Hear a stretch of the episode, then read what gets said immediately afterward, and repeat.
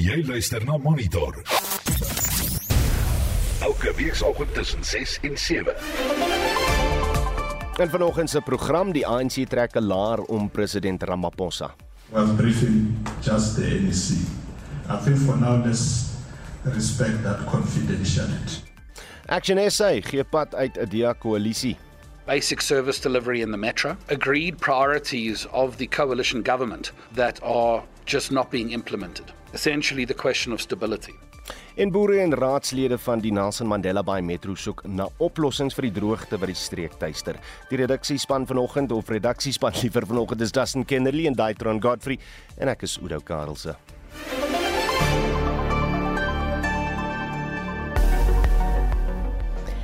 Die weerdiens waarsku teen toestande wat bevorderlik is vir die ontstaan van weggolfveldbrande. Dis nou in die sentrale en noordoostelike dele van die Noord-Kaap, die sentrale en die Klein Karoo in die Wes-Kaap en dan die westelike en noordelike binneland van die Oos-Kaap. Wat die minimum en maksimum temperature in die reisigers weer voorspelling betref, Pretoria 1426, Johannesburg 1223 en Vereniging 1324, Mbombela 1429, Polokwane 1624 en Mahikeng 1627, Vryburg 1630, Bloemfontein 1429 en Kimberley 1731, Appington 1737 Kaapstad 1621 en George 1522, Kaapstad 1627, Oos-London 1630 en Durban 1828, Richards Bay 1827 en Pietermaritzburg 1329. Onthou 'n volledige weervoorspelling volg so in die omgewing van 7 uur op RSG. Jy kan intussen die weerdiens se webtuiste besoek vir meer inligting. Dis www.weathersa.co.za.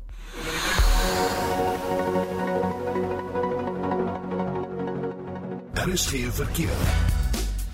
Goeiemôre, ek is Estie de Klerk en ek hou vanoggend vir jou oog op die paaie en sover is daar nog net verkeersprobleme in KwaZulu-Natal op die N2 Noord net na die KwaMashu wisselaar was 'n ongeluk en die linkerbaan word versper. Daar staan 'n voertuig by N2 Suid net na die Enanda weg afrit en die noodbaan word versper daar. Daar staan ook 'n voertuig op die N3 Wes net na die Omlaas weg afrit. Die linkerbaan word versper daar. En neem ook kennis dat die N4 tolroete by Emathleni vandag om 10uur gesluit sal wees tussen die Balmoral en Kromdraai wisselaars vir plofstof wat daar geskiet sal word. Indien jy enige ander verkeersnuus het, stuur vir ons 'n SMS na 45889. Onthou dit kos R1.50 per SMS en begin daardie boodskap met die woord verkeer.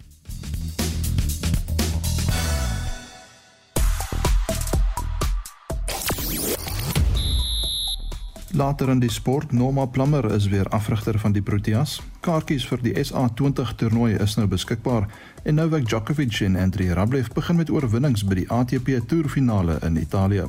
Ek is Shaun Schuster vir RSG Sport. Op sosiale media is die hitsmerk Putin al meer as 130 000 keer gedeel. Nou die Britse Daily Mail berig die Russiese president Vladimir Putin gaan na bewering sy jaarlikse media konferensie met joernaliste wat gewoonlik tussen 14 en 23 November gehou word kanselleer, maar die Kremlin het dit nog nie bevestig nie.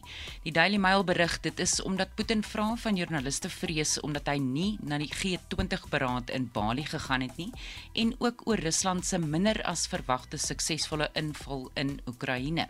En ons bly by Rusland se inval in Oekraïne met die hitsmerk Ukraine wat al meer as 660 000 keer gedeel is. 'n Tonele van vreugde het gister in Gerson afgespeel toe burgers van Oekraïne deur die strate geloop het nadat Russiese troepe Gerson ontruim het. President Volodymyr Zelensky het ook 'n Oekraïense vlag daar gehys. Ek is later terug met nog sosiale media nuus. Wêrelddiabetesdag is gister herdenk. Die tema opvoeding om môre te beskerm dui op die behoefte om toegang tot opvoeding oor diabetes te versterk. Ons praat later met 'n kenner wat waarsku dat 'n oormaat suiker alleen nie noodwendig diabetes veroorsaak nie. Daar is ander kossoorte wat 'n groter impak het. Vertel ons hoe baie weet jy van diabetes af en is dit iets waarvoor jy bang is of pla die moontlikheid dat jy dit kan kry jou nie? Stuur 'n SMS na 4588919 R50 per boodskap en jy kan ook saam lekker saam praat op die Monitor en Spectrum Facebookblad. Jy luister na Monitor. Elke weekoggend tussen 6 en 7. Dis 11 minute oor 6. Volgens die ANC is president Cyril Ramaphosa se verduideliking hierdie naweek aan hulle oor gebeure op sy Palapala plaas vertroulik. Ramaphosa het hierdie verduideliking gelewer by 'n nasionale uitvoerende vergadering by Nasrek in Johannesburg. Dit is 'n voorloper van die party se 55ste nasionale verkiesingskonferensie wat komende maand plaasvind. Anne Marie Jansen van Vuren doen verslag. Die ANC se waarnemende tesourier-generaal, Paul Machidile, sê die komende nasionale verkiesingskonferensie kom op 'n tydstip waar die land voor verskeie uitdagings te staan kom. Hy het ook toegegee dat die ANC se steun kwyn.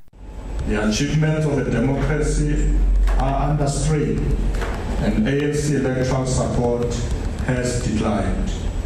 It will therefore be a watershed conference for the movement to ensure that it revitalizes itself to intensify the pursuit of a united, non-racial, non-sexist, democratic and prosperous society.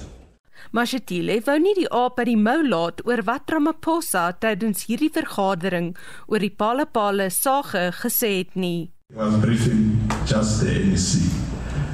The rest of what you want to know will come when the reports are ready. I think for now let's respect that confidentiality. Die NK het verder saamgestem dat die proses rondom triple BEE verskerp moet word. Volgens Mashatile is dit belangrik vir ekonomiese groei. The NEC remains clear that the movement it leads remains resolutely committed to the implementation of broad-based black economic empowerment, triple BEE. It noted that whilst progress has been made in empowering black people and women in the economy, the benefits of this progress have not been felt by all South Africans. This means that we need to intensify rather than relax triple BEE measures. Die verslag van Kenny Mapanga in Johannesburg en ek is Anne Marie Jansen van Vuren vir SAK nuus. Ons praat nou met die politieke ontleder Dr Pieter Mulder hier oor. Pieter, goeiemôre. Goeiemôre Oude. Die ANC weier om verslag te doen oor Ramaphosa se verduideliking aan die komitee oor wat op sy plaas gebeur het. En dit is eintlik teleurstellend dat dat hy self die party en nie die nasie hieroor in sy vertroue geneem het nie. Wat dink jy hiervan? Ek is net een draai terugmaak net. Onthou moet oor die vorige kongres 2017 hmm. is die op sy staande reël aanvaar. Dis nie deel van die ANC se grondwet nie, maar dis 'n reël wat hulle aanvaar het daarso. En die hele doel klink baie edel. Dit sê daaroor om die beeld van die ANC na buite te beskerm as iemand aangekla word van korrupsie. Hmm. Dan moet hy op sy staan tot die saak afgehandel is of hy skuldig of onskuldig is en dit klink op die oog af onskuldig en mooi. Toe effektief is Ramaphosa en sy kant as ek faksies sou kan gee dit gebruik om van opponente soos Etsmagashile wat aangekla is en ander ontslae te raak. En nou kom die spanning in die ANC en om te sê hoor jy, daai ding wat jy nou gebruik vir jou opponente, hoekom sal dit nie ook vir jou nie? Hmm. Nou sy verweer daarmee saam is daar is nog nie regtig 'n bevinding teen hom nie. Op die oomblik is daar verskeie ondersoeke, weet daar is die waarnemende openbare beskermer en 'n kollega Klakie wat ondersoek. Daar is die parlementskomitee artikel 89 interessant die paneel moet donderdag sê wat hulle situasie is. Daar is die integriteitskomitee wat ondersoek het uiteindelik en hy skop kantlyn toe om te sê daar is nog nie duidelikheid nie en ek kan nie praat voordat nie al die detail het nie. Mm. Hy het hulle so 'n bietjie ingelig, like my sekere gedeeltes daarvan, maar as ek 'n beeld kan gebruik, ek kry die indruk hy skop die blikkie straat af as ek sou kan sê ons as kinders nie ou dae gedoen het. Dis vandag 15 November 2016, die 16de Desember begin die konferensie as hy net tot daar kan kom. Nou sy opponente het onmiddellik probeer gebruik. Uh, hy het 'n woedende aanslag gehad gevoel van die Natalse sekretaris, dis nou Bekkie Motolo. Nou Bekkie is 'n groot anti-Ramaphosa man, hy's voor dit tot Dr. Makisi. Ek sien ook hy sit direk langs Dr. Makisi en is nogal belangrik in so 'n vergadering. Waar sit jy? Hmm. Daarna het mevrou Zuma hom aangeval en gesê hy moet terugstaan daarmee saam en so het een na die ander hom aangeval. Nou, die dilemma is as onmiddellike 'n vraagteken oor hulle motiewe. Dis almal mense wat belangstel om te staan teen hom en dit lyk my aan die einde dat hy verdedig, um, weet jy wat Tasto verdedig, hmm. en sy ander minister nog verdedig en die verslag sê hy het sterker aan die kant uitgekom. Hy het 'n bietjie detail uitgegee, maar hy weggekom deur te sê man, ons kan nie net die detail gee nie. Ons wag vir die bevindinge. Eintlik beskerm hom teen sy eie regulasies, maar as hy nou uitgekikker is, het hulle 'n groot krisis wie is die alternatiewe uiteindelik dan val dit terug na Mkhize mm. of mevrou Sisulu of mevrou Zuma ja. Kom ons praat nou net weer eens oor die proses. Binne die ANC het hulle ook 'n spertyd gegee vir wanneer die integriteitskommissie uiteindelik sy verslag oor Palapala voor uh, die NK gaan voorlê nie. Maar met wat ons reeds weet oor Palapala, wat is die moontlikheid dat die parlementêre paneel donderdag 'n verslag gaan lewer wat sê die president het niks om oor verantwoording te doen nie? Dis beslis 'n moontlikheid en ek dis wat ons nie weet nie as ons kyk donderdag en onthou daardie verslag vir die parlement is suiwer nie volledige ondersoek nie. Hulle moet net kyk of daar soos nou sê prima facie. 'n mm. saak is. Maar die parlement wil nie 'n komitee aanstel om sy tyd te mors nie. So die paneel van 3 gaan kyk as hulle sê nee, hier is 'n saak. Dan begin ons by 'n komitee van die parlement wat dan moet op, ondersoek instel oor tree hy sy ampteed oortree uiteindelik die hele kwessie van die grondwet. Dis is super goed by die openbare beskermingsraad weer gaan en dis nog hoe lank voor dit daarmee uitkom. So ek kan moeilik dit sien. Ek kry die indruk hulle beskerm hom na alle kante toe om dit te maak tot by die verkiesing uiteindelik want dit die meerderheid lyk my het hy geslaag om daai kring 'n meerderheid te hê. En wat nou uit sy oogpunt positief is ek kry verslaan nou. Hulle moes uiteindelik hierdie week verslag doen oor hoeveel afgevaardigdes is daar hoeveel takke het gereorganiseer en elke tak moet gesê het wie steun hy? En daar 4200 afgevaardigdes het hulle gesê, 4000 daarvan het voor die tyd georganiseer en hulle benoemdes aangekry. En die syfer sê 70% het Ramaphosa ondersteun wat lyk of hy redelik sterk gaan uit aan die kant van Noord-Kaap, Wes-Kaap, Oos-Kaap het baie sterk ondersteun. Die teenpool is natuurlik nou KwaZulu-Natal hmm. en dis 'n interessante een as mens nou kan van faksies praat. Daar was altyd die radikale ekonomiese transformasiefaksie, die regsfaksie by die vorige verkiesing. Hulle lyk vir my grootliks deur as min oor eintlik. Dit is nie met Ysmakashile en sy soort van man. En hulle is vervang met ek dink amper 'n KwaZulu-Natal faksie mm -hmm. wat met Zulu nasionalisme subtiel as 'n motivering gebruik. Hulle sal dit nooit so sê nie en hulle kamofleer dit 'n bietjie deur al wat die gegriefdes en beswaardes is, soos Tony Ngeni en Karl Neus hulle te trek as kampstig anti-Ramaphosa, maar dit is eerder die soort van verdeling as 'n suiwer uh, beleidsverdeling, ja. So gepraat van Ysmagashule, die party se dissiplinêre komitee het hom verwittig dat hy aan die party redes moet gee, uh, gee of verskaf oor hoekom hy nie afgedank moet word nie. Is dit maar die mening van Ramaphosa se ondersteuners of kan dit werklik gebeur nog voor die die die uh, verkiesingskonferensie? Ek dink dit sal gebeur voor die tyd. Onthou net die manne wat sê die ding moet afgeskaf word, het ook goeie argumente. Hulle sê hy ook kan onskuldig aangekla word. Sê maar hy is nou onskuldig is nou hipoteties en nou word hy onskuldig bevind, maar die konferensie is verby. Nou het jy hom uitgeknikker voor die tyd. Hy mag nie die konferensie bywoon nie. Hy mag verkies word nie. Na dit sê ja, jammer, eis, ons gaan hom aan sonder jou. En dit is die argument van die ander kant wat hulle baie sterk ook vir die kongres gaan stel, want hulle wil daar die besluit deurkry om te sê hulle hou nie van hierdie afskeiding om uit te kry nie. Die dilemma is hulle wil ook gebruik om Ramaphosa uit te knikker, maar aan die ander kant is dit onregverdig en ek dink nie hulle gaan vir eis moet eers nog afgevaardigde word en met verskuldig bevind word. Hy het 'n hofsaak teen hom wat stadig loop. Kom eers die volgende jaar maart maar voor. So ek sien hulle dit eers gaan opdaag by die konferensie nie. Ja. So gepraat van die konferensie. Ek sien die ANC of daar's berigte dat die ANC 'n half miljard rand se skuld het. Sal hy sy verkiesingskonferensie kan bekostig, Dr Mulder? hulle skik nie verseker goed nie, hulle bekommer agterna oor die rekening en onthou tog maar as jy nou wil op liewe liewe lewer steentjies of iets maak baie seker jy kry jou geld. Ek sien hulle gaan nou van hulle buitelandse bates verkoop wat nogal interessant is.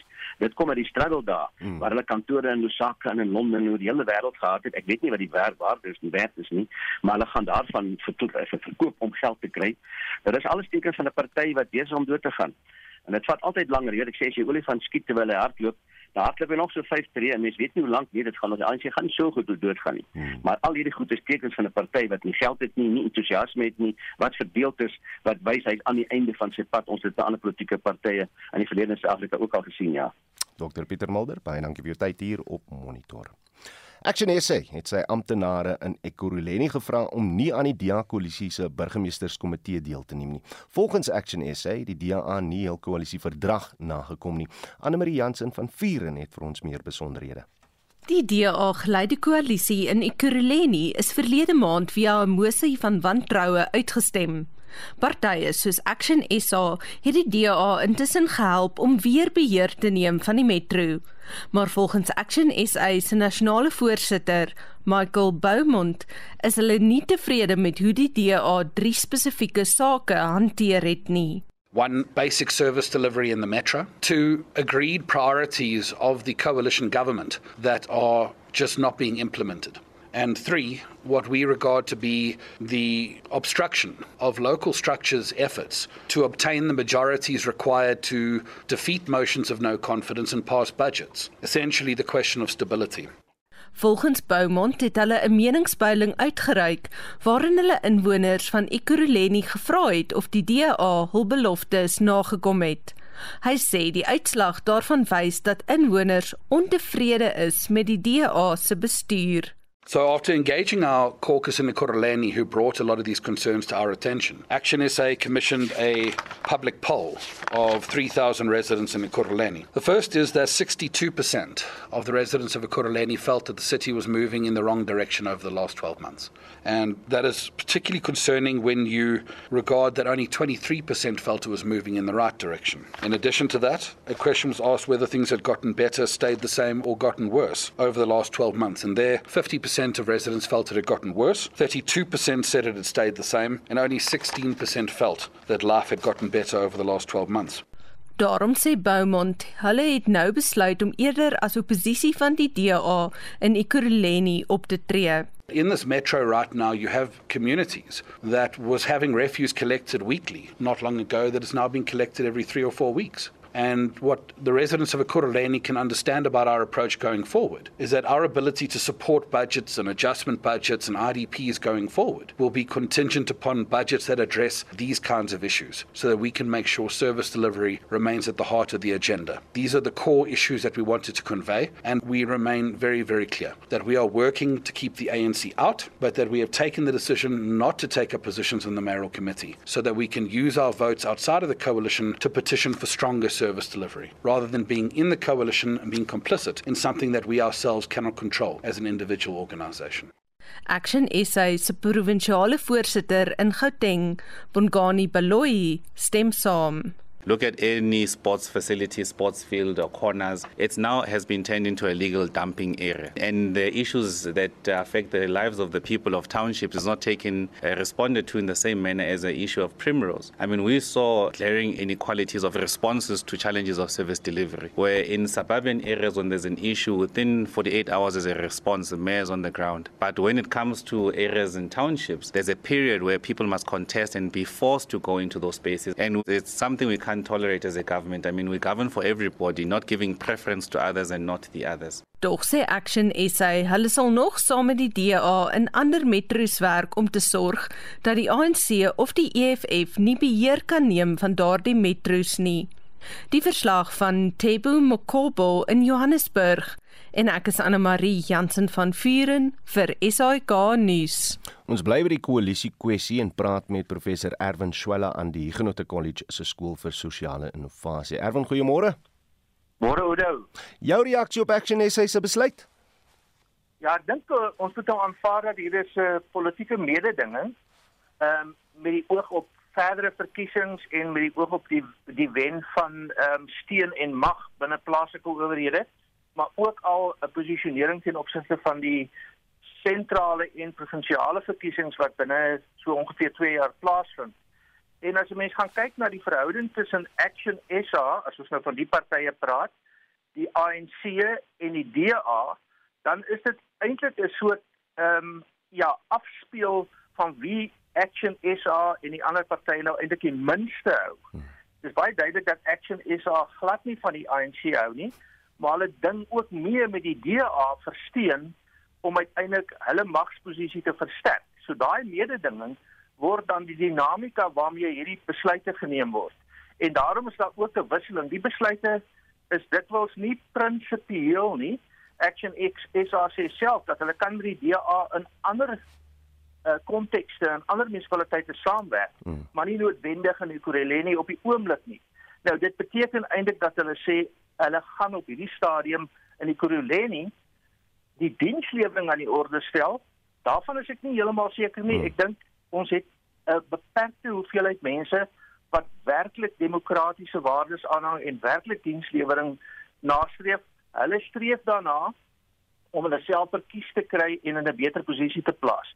So die dilemma is hier voortdurende politieke mededinging in 'n baie deurmekaar situasie en dit beteken dat onstabiliteit is die enigste konstante en die implikasie van hierdie onstabiliteit is, is dat dienslewering in elk geval hmm. daaronder lê en ons is swakker af die politici en die elites is beter af. Erwin, ek gaan jou weer vra want ons het nou nog nie 'n antwoord hierop nie, maar hoe kan ons verseker dat koalisie verdra beter bestuur word? Ja, kyk, um, in die eerste plek is die idee dat 'n mens dan nou werk met vertroue tussen partye. En die partye onderhandel 'n koalisie en hulle maak 'n ooreenkoms en hulle verbind hulle tot daai ooreenkoms.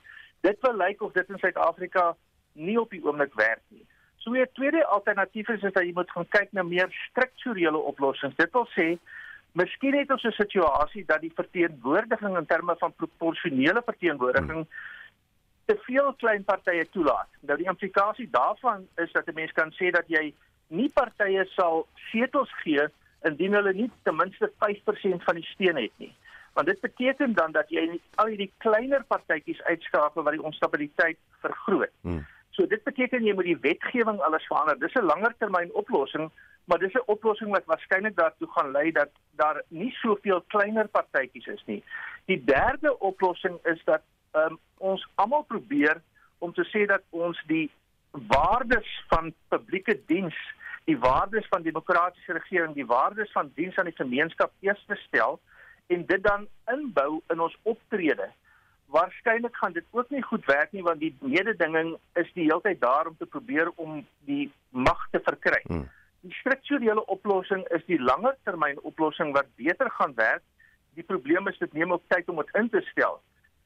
Die dinamika is dalk dat ons almal moet leer dat koalisies is onverwendbaar en dat koalisieregering hier is om te bly en in teendeel nog meer gaan plaasvind en dat ons moet leer om saam te werk in die belang van die gemeenskap en sodoende die waardes van die gemeenskap en dienslewering na te streef. As hy dit was professor Erwin Schwella aan die Huguenot Universiteit se sentrum vir sosiale innovasie.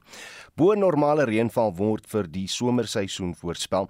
Ons het reeds natter toestande die afgelope week oor groot dele van die land ervaar. Waar boere reën verwelkom, kan dit 'n negatiewe impak hê. Ons praat nou met Andrea Kamp vir Agri SA se risiko en rampbestuurder. Andrea, goeiemôre. Goeiemôre Oudo en luisteraars. Is dit die geval dat aardappelpryse reeds gestyg het weens die reënerige toestand? Wel, dit kan 'n geval wees ook waar um, byvoorbeeld haal van hierdie gewasse ook geïmpakteer het. Mm. Um, ons weet dat die Suid-Afrikaanse weerdiens het verskeie kennisgewings die laaste paar weke uitgereik en dat daar groot dele van die binneland nou bo gemiddelde reënval en lokaliseerde oorstromings ervaar. So ja, ek dink dit het dit kan 'n onmiddellike prys um verhoging hê op sekere gewasse waar daar nou oorstromings plaasvind, um ook en haal toestande voorkom. Kan dit uitkring na ander voedselprodukte? Wel, ek dink veral in die graanindustrie, dit, dit is dalk te vroeg om te sê, maar volgens Graan SA is daar ook um tans gevalle waar boere veral in die westelike dele van die land aan um, noordwesse kant nog besig is om te stroop en waar die gronde of die landerye te nat is om te kan stroop en dan is dit ook nou plantseisoen wat nou aan die gang is. Um dit sal reeds ver gevorder in die oostelike dele, maar waar daar nou net begin het in die westelike dele hmm. van die land, kan boere nou nie inkom nie. So op die stadium is daar nog nie groot noemenswaardige skade gerapporteer nie, maar dit kan op 'n latere stadium 'n risiko wees vir sekere gewasse, ja. Indien die gevalle erger word of die toestande erger word, het ons boere of is daar versekeringsprodukte vir ons boere wat juis die soort geval uh, dek? Ek dink van sekere ehm um, versekeringsmaatskappye het het skade wat wat hulle kan dek, byvoorbeeld infrastruktuur ehm um, en dan op sekere gewasse. So ek ek sal eerder voorstel om jou versekeraar of jou makelaar te raadpleeg oor verskillende produkte. Ehm um, maar ja, die die die versekeringsindustrie dek sekere gevalle met sekere gewasse kan boere dus al plase verloor as hulle nie verseker is nie en die, en die skade moet betaal soos hy, soos ons nou weer sê as toestande nou vererger hierdie somerseisoen. Ek dink dit is altyd goed om te raadpleeg um jou ja, soos jou makelaar om te weet wat jou opsies op die stadium is. Ek dink dit is nooit te laat om versekerings uit te neem nie. Um ek dink nou dat ons weet dat ons gaan 'n baie groter bo-gemiddelde reenseisoen ervaar.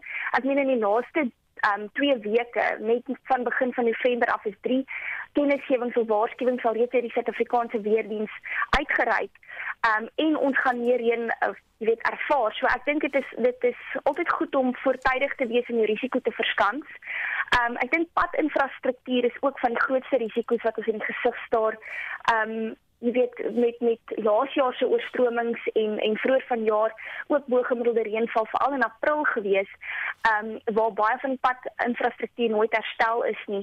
Ek dink is daar ook nog 'n risiko, maar met met versekerings, dit is altyd goed om ehm um, ja, voortydig te wees, hm. jou gebeurlikheidsbeplanning goed te doen sodat jy weet dat ehm um, wanneer daar skade is op jou infrastruktuur, waterpompe, ehm uh, masjinerie ensovoorts dat dit gedek is. En dit was Andrea Kamp vir Agri SA se risiko en rampbestuurder. Daar is geen verkeer. In Gauteng op die N1 suid net na Rebonie weg staan 'n voertuig en die linkerbaan word versper. Daar is padwerk op die R21 noord net na Olifantsfontein weg en drie bane word versper daar. En Daar is ook padwerk op die N3 noord net na die Geldenhuys-wisselaar en die linkerbaan word versper. In KwaZulu-Natal staan 'n voertuig die N3 oos net na Hiltonweg en die noodbaan word daar versper. Indien jy enige ander verkeersnuus het, stuur vir ons 'n SMS na 45889. Dit kos jou R1.50 per SMS en begin daardie boodskap met die woord verkeer. Reg wêreld diabetesdag is gister herdenk. Die tema opvoeding om môre te beskerm dui op die behoefte om toegang tot opvoeding oor diabetes te versterk. Ons praat later met 'n kenner wat waarsku dat 'n oormaat suiker alleen nie noodwendig diabetes veroorsaak nie. Daar is ander kossoorte wat 'n groter impak het en ons vra vanoggend Hoe baie weet jy van diabetes af? Is dit iets waarvoor jy bang is of plaas die moontlikheid dat jy dit kan kry jou nie? Op die SMS lyn sê Marl uh, Marlene van Boksburg. Koolhidrate is die probleem en dit sluit stysel in. Bly weg van slapchips en al daai lekker gebak. Uh en dan sê jy wat mense wat op die SMS lyns net die woorde rooi vleis ge-SMS het. Blykbaar moet ons wegbly van rooi vleis. Ek sal wel ons kenner vra daaroor. En so 'n paar ander kommentaar wat deurgekom het. Uh Oes versekering is fraktuur en nie vir almal beskore nie. Dis van Elka baie dankie vir jou boodskap daar. En dan sê ehm um, anoniem, Masatile is nie die waarnemende tesorie uh tesorie generaal nie. Hy is dit. Dank my hele waarnemende sekretaris generaal. Jy moet jou punt baie dankie daarvoor. Stuur SMS na 4588919 R50 per boodskap en jy kan ek lekker saampraat op Monitor en Spectrum se Facebookblad. Tyd vir die jongste sportnuus met Shaun Jooste. Shaun, goeiemôre. Goeiemôre, Oude. Ag, net bal Proteas, hulle het nou eh, 'n uh, nuwe in aanhalingstekens afrigter. Daarom is daar uh, nog genoeg tyd om stelsel in plek te kry voor aanstaande jaar se Wêreldbeker toernooi hier in Suid-Afrika op tuisbodem. Ja, ek dink dit was 'n goeie besluit van net Balessa om uh, die Aussie Noma Plummer as Protea afrigter aan te stel. Sy het natuurlik 'n mate van bekendheid met die span soos in 2016 tussen 2016 en 2019 ook afrigter en baie ervaring. Australië tussen 2006 en 2010 het tot twee silwer medaljes by wêreldbeker toernooi gelei. Nou ek dink uh, die Suid-Afrikaners het al kort 'n bietjie beter vertonings. Ek dink terug aan uh, die Statebond spele in Engeland vroeër die jaar. Dis Afrika die 5de en 6de uitspeel wedstryd teen Uganda met 54-48 verloor het. So ek dink uh, dit was 'n goeie besluit en daar is nog genoeg tyd om 'n uh, bietjie verbetering in te bring. Nou Plammer en haar nuwe afrigtingspan is sy eerste taak is die Diamantliga toernooi wat in 22 en 26 November by die Universiteit van Pretoria se Rembrandt saal plaasvind. Suid-Afrika sal daar teen Skotland, Zimbabwe en ook 'n president 11tal te staan kom. Ja, as enigiemand uh, op soek is na idees vir Kers uh, geskenke kan hulle altyd kaartjies vir die SA20 uh, toernooi oorweeg. Wat dink jy? Ja, nee, beslis, um, dit lyk na goeie waardige geld. Die kaartjies wissel van 50 tot 200 rand. Kinders onder 6 kry gratis toegang en dan skoolleerders en pensionaars 30% af. Nou, dit lyk asof die wedstryde 'n groot fees gaan wees met musiek, kompetisies, groot skerms en nog meer om uh, toeskouers natuurlik nou te vermaak. En die eerste wedstryd is op die 10de Januarie en ek meen groot name insluitende T20 wêreldkampioene kan in aksie gesien word en moet ook nie van die Protea spelers vergeet nie. En kaartjies kan aanlyn by Ticketprice gekoop word. As hy so 'n week gelede het Caroline Garcia die WTA Tour finale in Texas gewen. Die mans toer finale vind nou in Italië plaas. Wat is die jongste nuus daar? Uh, gister in die rooi groep het die nommer 8 van Servië Novak Djokovic met uh, hy het gisterand 6-4 en 7-6 gewen. Nou dit was in sy kragmeting teen die nommer 3 Stefanos Tsitsipas van Griekeland en dan het die nommer 7 van Rusland Andrei Rublev ook met sy landsgenoot die nommer 5 Daniel Medvedev uh, klaar gespeel. Telling daar 6-7, 6-3 en 7-6. Hulle is nou die twee voorlopers in die rooi groep. Dan in die groen groep is die Amerikaner Taylor Fritz en Casper Ruud van Noorwe die voorlopers. Hulle taak om mekaar vandaan terwyl die Spanjaard Rafael Nadal uh, vanmiddag in 'n wedstryd staan kom dit is teen Felix Auger-Aliassime van Kanada en die verloder natuurlik uh, kanse om deur te dring in die halfeindronde is basies dan nou daarna. En dan net om af te sluit wil ek ook graag noem dat die boksspan vir Saterdag se toets teen Italië vanmiddag so rondom 1:00 se kant bekend gemaak word. Shaun Jooste daar van RSG Sport.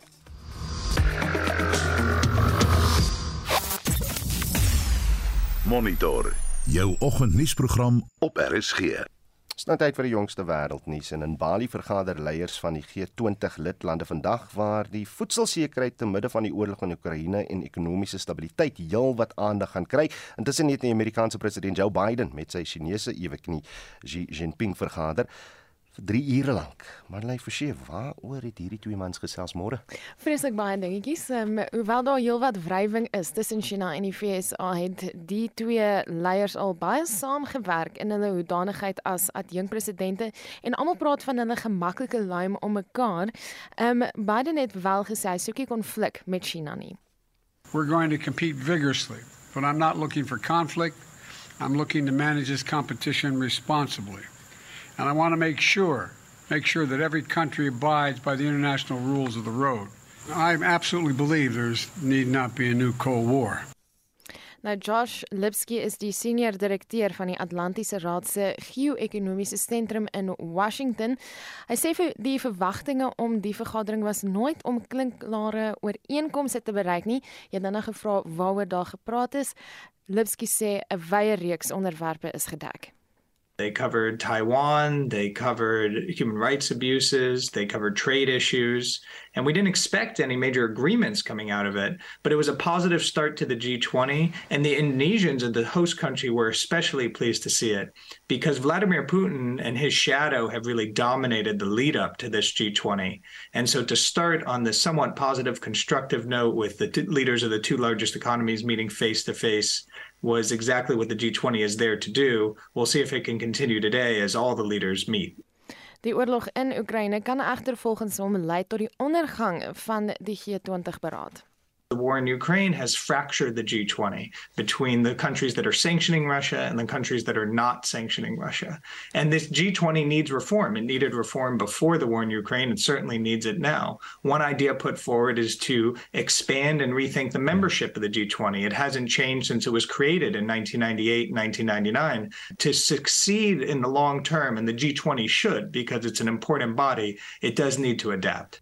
Nou ons hou verwikkelinge van daardie beraad dop. Die uh, VN waarsku intussen dat sowat 500 000 kinders onder die ouderdom van 5 in Somalië volgende jaar kan sterf weens honger. Minstens 'n miljard Amerikaanse dollar in humanitêre uh, hulp is nodig om die droogte getuisterde land by te staan.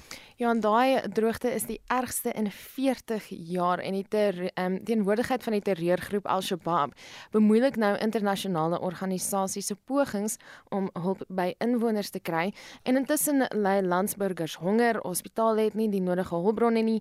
Die BBC verslaggewer Andrew Harding is in Bedoua. Hy het 'n hospitaal daar besoek. Does it feel to you like the world is paying attention now to Somalia? Now we can say that the attention of the international community is on Somalia, especially the droughts. Yeah. So you're getting more aid because of that. we are not getting enough, but we hope to come soon. Uh, actually, it's a desperate situation. Nou, humanitêre organisasies sê ook hulle word daagliks oorweldig deur honger mense. We are not getting the resources on time with adequate also amount. So you're only getting half what you need, is that right? That's exactly what uh, the right picture. We are getting half of what we want. Nou die droogte duur voort en klimaatsverandering kry die skuld hiervoor. En dan Oekraïne, wat is die jongste daar? President Volodymyr Zelensky het 'n besoek afgelê aan die stad Kherson daarna nadat Russiese magte uit die gebied onttrek het. Nou hy het soldate in die stadsplein toegespreek en sê hulle gaan die land stuksgewys terugneem. We are going forward. We're ready for peace, but our peace for our country is all our country, all our territory. We respect uh, the law and respect sovereignty of all the countries, but now we are speaking about our countries. En dit was die Oekraïense president Volodymyr Zelensky. En dit was Marlene Fischer met die jongste internasionale nuusgebeure. Wêrelddiabetesdag is gister herdenk met die tema opvoeding om môre te beskerm. Dit dui op die behoefte om toegang tot opvoeding oor diabetes te versterk. Ons praat nou met 'n endokrinoloog en buitengewone professor aan die Universiteit van Pretoria, professor Tes van der Merwe. Tes, goeiemôre. Goeiemôre, hoe gaan dit met julle? Dit gaan goed. Uh, ek hoop dieselfde uh, geld daar by jou, maar uh, wat is die algemene simptome dat iemand besig is om diabetes te ontwikkel? Ek dink mense moet in die eerste plek uh die jou jou wetenskaplike benadering regkry en net weet dat jy twee groot kategorieë, jy het jou jou genetiese kategorie, met ander woorde daai mense wat baie bewus daarvan is dat daar uh, gene in hulle familie uitspeel ag oor 2 of 3 generasies al en dan kry jy wat ons noem jou epigenetika met ander woorde uh, daar's faktore in jou omgewing wat 'n disfunksionaliteit van jou uh, insulinereseptor kan ontlont. En dit is, ek dink is waar die publiek baie keer soms sukkel want hulle wil graag iets soos byvoorbeeld 'n suikerinname uh suiwer koppel aan suiker siekte en hulle okay sê prof maar ek ek eet nie soet goed nie. Maar die realiteit is is daar is baie ander bydraende faktore soos byvoorbeeld 'n baie hoë vet inname daar kan medikasie wees wat jy noodgedwonge moet neem soos byvoorbeeld kortison. Uh, daar kan outoimmune siekte in die familie wees daar kon vernietiging van die pankreas gewees het. So ek dink jou jou eerste stap is net kyk kyk na jou eie situasie en jou familie se uh, omgewing En dan natuurlik Hoe word ons bewus daarvan? Wel, dit is baie eenvoudig. As jy op die skaal vanoggend gaan staan en jy werk jou liggaamsmassa indeks uit en jy is op 'n BMI bokant 27, moet jy weet jy is klaar in 'n 2 tot 3voudige verhoogde risikoklas. As jy bokant 'n 40 massa indeks gegaan het, is jy in 'n uiters verhoogde risikoklas. Maar om dit baie eenvoudig vir ons luisteraars te stel, hoe die liggaam te werk gaan, is jy gaan in die eerste plek 'n verhoogde insulienafskeiding kry. Dit beteken beteken nie noodwendig insulien weerstandigheid nie. Dit beteken nou begin my pankreas buite 'n gewone hart werk hmm. net om by te hou en dan sal jy begin tye kry wanneer daar sporadies suiker in die bloedstroom voorkom en jou dokter gaan dit dalk optel op 'n bloedtoets of hy gaan dalk vir jou sê jy is besig om 'n baie groot abdominale hoeveelheid vet aan te sit mm. of jou middelomtrek is bokant 100 100 cm en nou raak jy 'n risiko want daai gestoorde vet in die lewer beteken 'n risiko vir verdere ontwikkeling en as jy eers op daai punt gekom het, ons noem dit pre-diabetes en dit is nie 'n lukrake uh, situasie nie. Ons weet presies na watter biochemiese markers om te kyk. So die lang antwoord op 'n kort vraag hm. was jy jy moet self ondersoek, jy moet 'n geskiedenis kry en jy moet by jou dokter uitkom. As hy on, ons voedselsoorte vandag is ook vol chemikalieë en versoeters gepomp. Hoe bly mens veilig? Ek dink ek dink 'n mens dit baie kyk baie van versoete inname is aangewoon aangeleerde gewoontes. Dit is baie duidelik bewys dat dit baie keer soos die Engels het so pragtige woord daarvoor, coping, dis 'n coping strategy. Mm. Met ander woorde, elke keer as jy in 'n stresvolle situasie is, dan wil jy weer teruggaan na aangeleerde gewoontes. Dit is eintlik baie maklik om by dit verby te werk, want ons moedig die inname van gewone goeie koolhidrate aan. Ek dink dit is nog 'n plek waar ons publiek baie keer baie sukkel in die pad duister geraak het en elke goeie koolhidraat word deesdae geoormerk as 'n buitengewone slegte ding vir jou en dan begin jy tekorte in die liggaam opbou. Jy begin in jou ete self 'n wanbalans opbou tussen jou proteïen en jou koolhidraatverhouding en onthou, ek wil vir ons luisteraars sê, jy het koolhidrate nodig om jou proteïene te kan verbruik.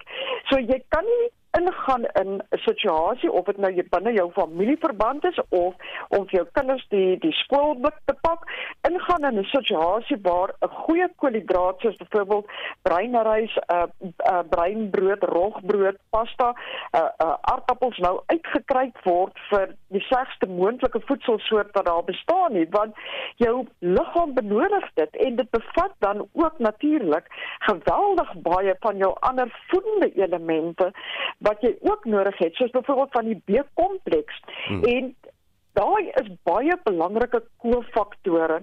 So dit is glad nie so moeilik nie. Jy gaan gryp na daai versoete koeldrankie en daai sjokoladietjie en daai aanloklike puddingkie wat daar en onthou een pudding met kersfees Dit is dis jou plesier. Moet jouself nie ontneem daarvan nie. Maar dit is eintlik baie maklik om vir jouself aan te leer om net vir jou so eenvoudig sê ek gaan daai spesifieke kategorie vir my eerder as om vir jouself in 'n posisie in te werk waar jy sê nou gaan ek elke koolhidraat 'n 'n 'n bose gees noem. Daar sê praat nou 'n bietjie met mense wat sê wel ek tel nie gewig op nie. Ek ek ek, ek toon geen simptome nie. So los my af. Ek kan seker nie diabetes hê nie of of begin ontwikkel nie. Dit is ongelukkig nie so eenvoudig nie. Inteendeel, dit is eintlik 'n geweldige waarskuwende teken want as jy kyk hoe insulien werk in die liggaam, insulien se uitsluitlike werking is eintlik om suiker uit jou bloedstroom uh, te gaan opvee en dit op 'n ander plek te gaan stoor of dit nou in die lewer is of in die uh weefsel tussen die uh spiere of in die vetweefsel maar dit is hoe insulien werk. So terwyl jy nog 'n mate van insulien sensitiwiteit het, sal jy kan gewig optel. Ek is baie meer bekommerd oor daai kategorie hmm. van pasiënte wat byvoorbeeld op 'n BMI van 40 sit. Sit wat vir my sê prof vir die laaste 5 jaar gaan ek 2 kg op, 3 kg af, 4 op, 5 af. En dit is een van jou eerste tekens van sogenaamde wat die publiek verstaan as insulienweerstandigheid. In my taal beteken dit jy het jou sensitiwiteit om jou jou suiker elders te stoor en ter waarheid eintlik verloor. So nee, ons kan nie daai uh, uh aanname maak nie. Dit is 'n gevaarlike aanname. Dankie. Ek sien al hoe spitsie ore hier reg oor Suid-Afrika. Uh, en dan net laastens die die, die kwessie van ouderdom. Want, want ek is seker as van ons wat voel ag maar ek het nou 'n sekere ouderdom bereik en ek het nou nog nie uh, diabetes ontwikkel nie, maar soos jy ouer word, is die risiko groter om dit wel te ontwikkel. Dis heeltemal korrek. En nou is ons terug by daai heel heel eerste uh verduideliking wat ek vergeet, jy het genetika en dan jy epigenetika. Nou in die genetiese vatbare groep tot watter mate jou geen gepenetreer het wat jy kon geërf het is baie wisselend want jy gaan ek soveel uit gene van ma kry ek soveel uit van pa. En jy weet nie op watter stadium gaan jy iets in jou omgewing teekom wat daai genetika gaan vasvat. En onthou dat ek net weer vir die publiek mooi verduidelik. Hier's jou geen. Elke geen kodeer vir 'n funksie in die liggaam waarvan een van hulle jou suiker metabolisme kan wees. Maar nou kom daar 'n faktor in wat aan die promotor met ander woorde die voorloper gaan werk. En om kirang op 'n manier en ek wil nie te veel op die tegnikaliteite van hmm. dit ingaan nie maar wat begin gebeur is dit ontlont dan 'n proses van disfunksionaliteit in jou genetika. Nou dit kan gebeur op 30 jaar, op 40 jaar of op 80 jaar. Dit is 'n totaal onvoorspelbare ding. Tes van der Merwe, professor Tes van der Merwe, baie dankie vir u tyd hier op Monitor. Ek is seker jy het mense nou opnuut laat uh, luister hieroor. Sy is natuurlik 'n eh, endokrinoloog en buitengewone professor aan die Universiteit van Pretoria. Ons bly by die kwessie en uh, Michelle Rautenbach, 'n oogkundige uit Pretoria, is op die ouderdom van 27 gediagnoseer met tipe 1 diabetes. Daar is nie 'n spesifieke oorsaak nie en dis ook nie deel van haar familiegeskiedenis nie. Sy is permanent afhanklik van 'n insulienpomp om haar insulienvlakke te beheer en sy sluit nou by ons aan. Goeiemôre Michelle. Goeiemôre, hoe gaan dit? Nee, dit gaan goed, nee, dit gaan goed. Verduidelik net prakties, hoekom is die pompie nodig? So, ek het eers begin om insulien te spuit en dit het vir my glad nie gewerk nie waar ek opgeëindig het in ongevalle met suikers van 25 wat nie wil af nie en met die insulienpompie wat elke 5 minute spuit was dit net 'n baie beter opweg vir my uitweg vir my. Ja, sê ek is seker as van die luisteraars wat jou gister gehoor het op brandpunt is nog gistermiddag en jy het gesê mense is nie noodwendig bewus van die tegnologie wat beskikbaar is om diabetes te help bestuur nie. Watter verskil het dit in jou lewe gemaak? Ek moet sê dit is een van die beste goed wat gebeur het vandat ek gediagnoseer is want mense is net soveel meer gerus. Jy kan elke minuut kyk wat is jou suiker. Jy hoef nie jou vingers te prik nie en die hoeveelheid insulien word self, ehm um, hoe kan ek sê, gekalkuleer wat dit moet inspuit. So jy hmm. hoef glad nie daaroor te bekommer nie. Ja, jy moes tog heelwat veranderinge aan jou leefstyl aanbring. Hoe het jy jou eetgewoontes byvoorbeeld verander? Ja, so eetgewoontes is definitief 'n baie groot faktor. Mens is nie bewus van wat mens al eet nie. So jy moet letterlik nou gaan dink, okay, ek kan nie net nou yskas toe stap en enigiets uithaal nie. Jy moet eers vooraf inspuit hoeveel koolhidrate daarin is, eers wag en dan moet jy dit eet. So mens moet nou baie meer versigtig wees aan wat jy gaan eet of drink. En oefening, hoe belangrik is dit? Oefening is baie belangrik. Oefening maak jou liggaam baie meer sensitief vir insulien wat veroorsaak dat jou bloedvlakke beter beheer. En dit verlaag ook die risiko's van hartsiektes en senuweesiektes verder in jou lewe. Maar almal het nou nie daai dissipline om om elke dag of elke tweede dag 'n uh, bietjie oefening in te sit nie. Kan jy dit die, die toestand bestuur net met baie goeie eetgewoontes? Ek dink dit is moontlik. Dit maak gaan dit baie moeiliker maak. So ja, nee, oefening is definitief 'n baie groot rol speel in wat 'n baie groot rol speel in jou diabetiese beheer. Alles is maar net om so 'n bietjie te gaan stap elke dag, nee. Al is een, enige oefening is beter as niks. Sê my jy, jy het gister in brandpunt gesê jy jy's glad nie skaam oor jou pompie nie. Wat, wat is en ek is seker mense sal nou sien uh, daar stap uh, sy met sy met haar pompie rond. wat, wat is van die vrae wat mense jou hieroor vra? So ja, in die begin was dit vir my baie moeilik of snaaks dat die wat mense kyk mens nogals uit want jy het nou iets op jou arm en iets wat aan jou lyf vas is. So ek het al baie snaakse vrae gehad. Ek het al gevra as dit my pas aangeheer, ja. is dit 'n nikotien patch, het ek dit kateter in. So ja, so ek soos ek sê ek gee glad nie om dat mense my vra nie. Ek deel met liefde my storie. As dit iemand kan help, dan is dit dan maak dit my baie bly. Sê my jy's 'n oogkundige, daar word gesê dat diabetes een van die grootste oorsake van blindheid is. Is dit iets wat jy nou begin raak sien in jou praktyk? Ja, ek moet sê dit mens kan dit nogal raak sien veral op die retina as ons 'n uh, fundusondersoek doen. Dan is die eerste ding wat jy sien is jy sien bloedings in die oog. Dit is hoekom dit baie belangrik is dat diabetes jaarliks vir 'n diabetiese ondersoek gaan dat daar spesifiek gekyk word na die oë want om dit te voorkom want dit kan behandel word. Mm. So ja, hoe meer jy na jou suiker kyk, hoe beter is dit vir jou om daai risiko's uit te stel van blindheid as gevolg van jou diabetes. Net so 'n vraag oor bewusheid en en en ek is seker as jong mense wat nou sal luister en dink jy's lyk like dit. Miskien het ek dit, maar ek ek ek wil nie weet nie. Dit vir baie mense is dit beter om onbewus te bly van die dinge wat hulle uh wat 'n impak op hulle sal hê. Wat sou jy vir hulle sê om seker te maak kan toets maar weet wat in jou liggaam aangaan? Ja, ek sal sê om een keer 'n jaar te gaan toets om te kyk wat jy het. Is dit het jy iets waaraan jy kan werk? Want soos ek sê, om iets te voorkom wat baie groter skade in jou lewe kan ehm um, veroorsaak, is tog baie beter vir jou en die mense om jou. Asai, dit was Michelle Rautenbach uh, wat haar ervaring van diabetes E, tipe 1 met ons gedeel het. Daar is geen verkeer. In Kaapstad is druk verkeer op die N7 suid by die N1 afrit in die rigting van die stad en op die N2 by Jan Smuts in die rigting uit die stad uit staan 'n bus en die noodbaan word versper daar. In Gauteng op die N1 noord net voor William Nicol staan 'n voertuig en die linkerbaan word versper en op die N3 suid by die Kalulies wisselaar was 'n ongeluk waar 3 bane versper word en dit veroorsaak groot verkeersopeenhopings op die oomblik daar. In KwaZulu-Natal op die N3 Wes net voor die Hiltonweg afrit staan 'n voertuig en die linkerbaan word daar versper. Bestuur veilig waar jy ook al vandag ry.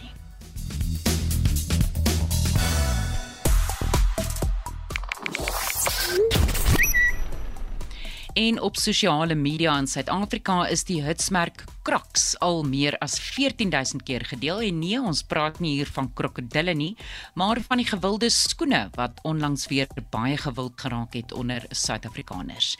En die hits Senzo Mjiwa Trial 'n paar duisend keer gedeel en dit is nadat die sokkerspeler Senzo Mjiwa se kind se kindervriend Tumelo Matlala gister in sy moordverhoor in die Hooggeregshof in Pretoria gekruis ondervra is en hy was in 2014 Kelly Kumalo in in Kelly Kumalo se huis toe Miwa dood is. Vyf mans staan tereg op aanklag van Miwa se moord. Reg wêrelddiabetesdag is gister geherdenk. Ons praat vanoggend natuurlik daaroor onder die tema opvoeding om môre te beskerm en dit dui op die behoefte om toegang tot opvoeding oor diabetes te versterk. Ons praat uh, nou met 'n hele paar kenners gepraat, iemand wat met uh, tipe 1 diabetes uh, lewe en ons vra jou Hoe baie weet jy van diabetes af? Is dit iets waarvan jy bang is of uh, pla die moontlikheid dat jy dit kan kry jou glad nie? Nou op die SMS lyn sê anoniem diabetes, ek lewe nou al vir 24 jaar daarmee. Suikervrye produkte se pryse word oorlaai.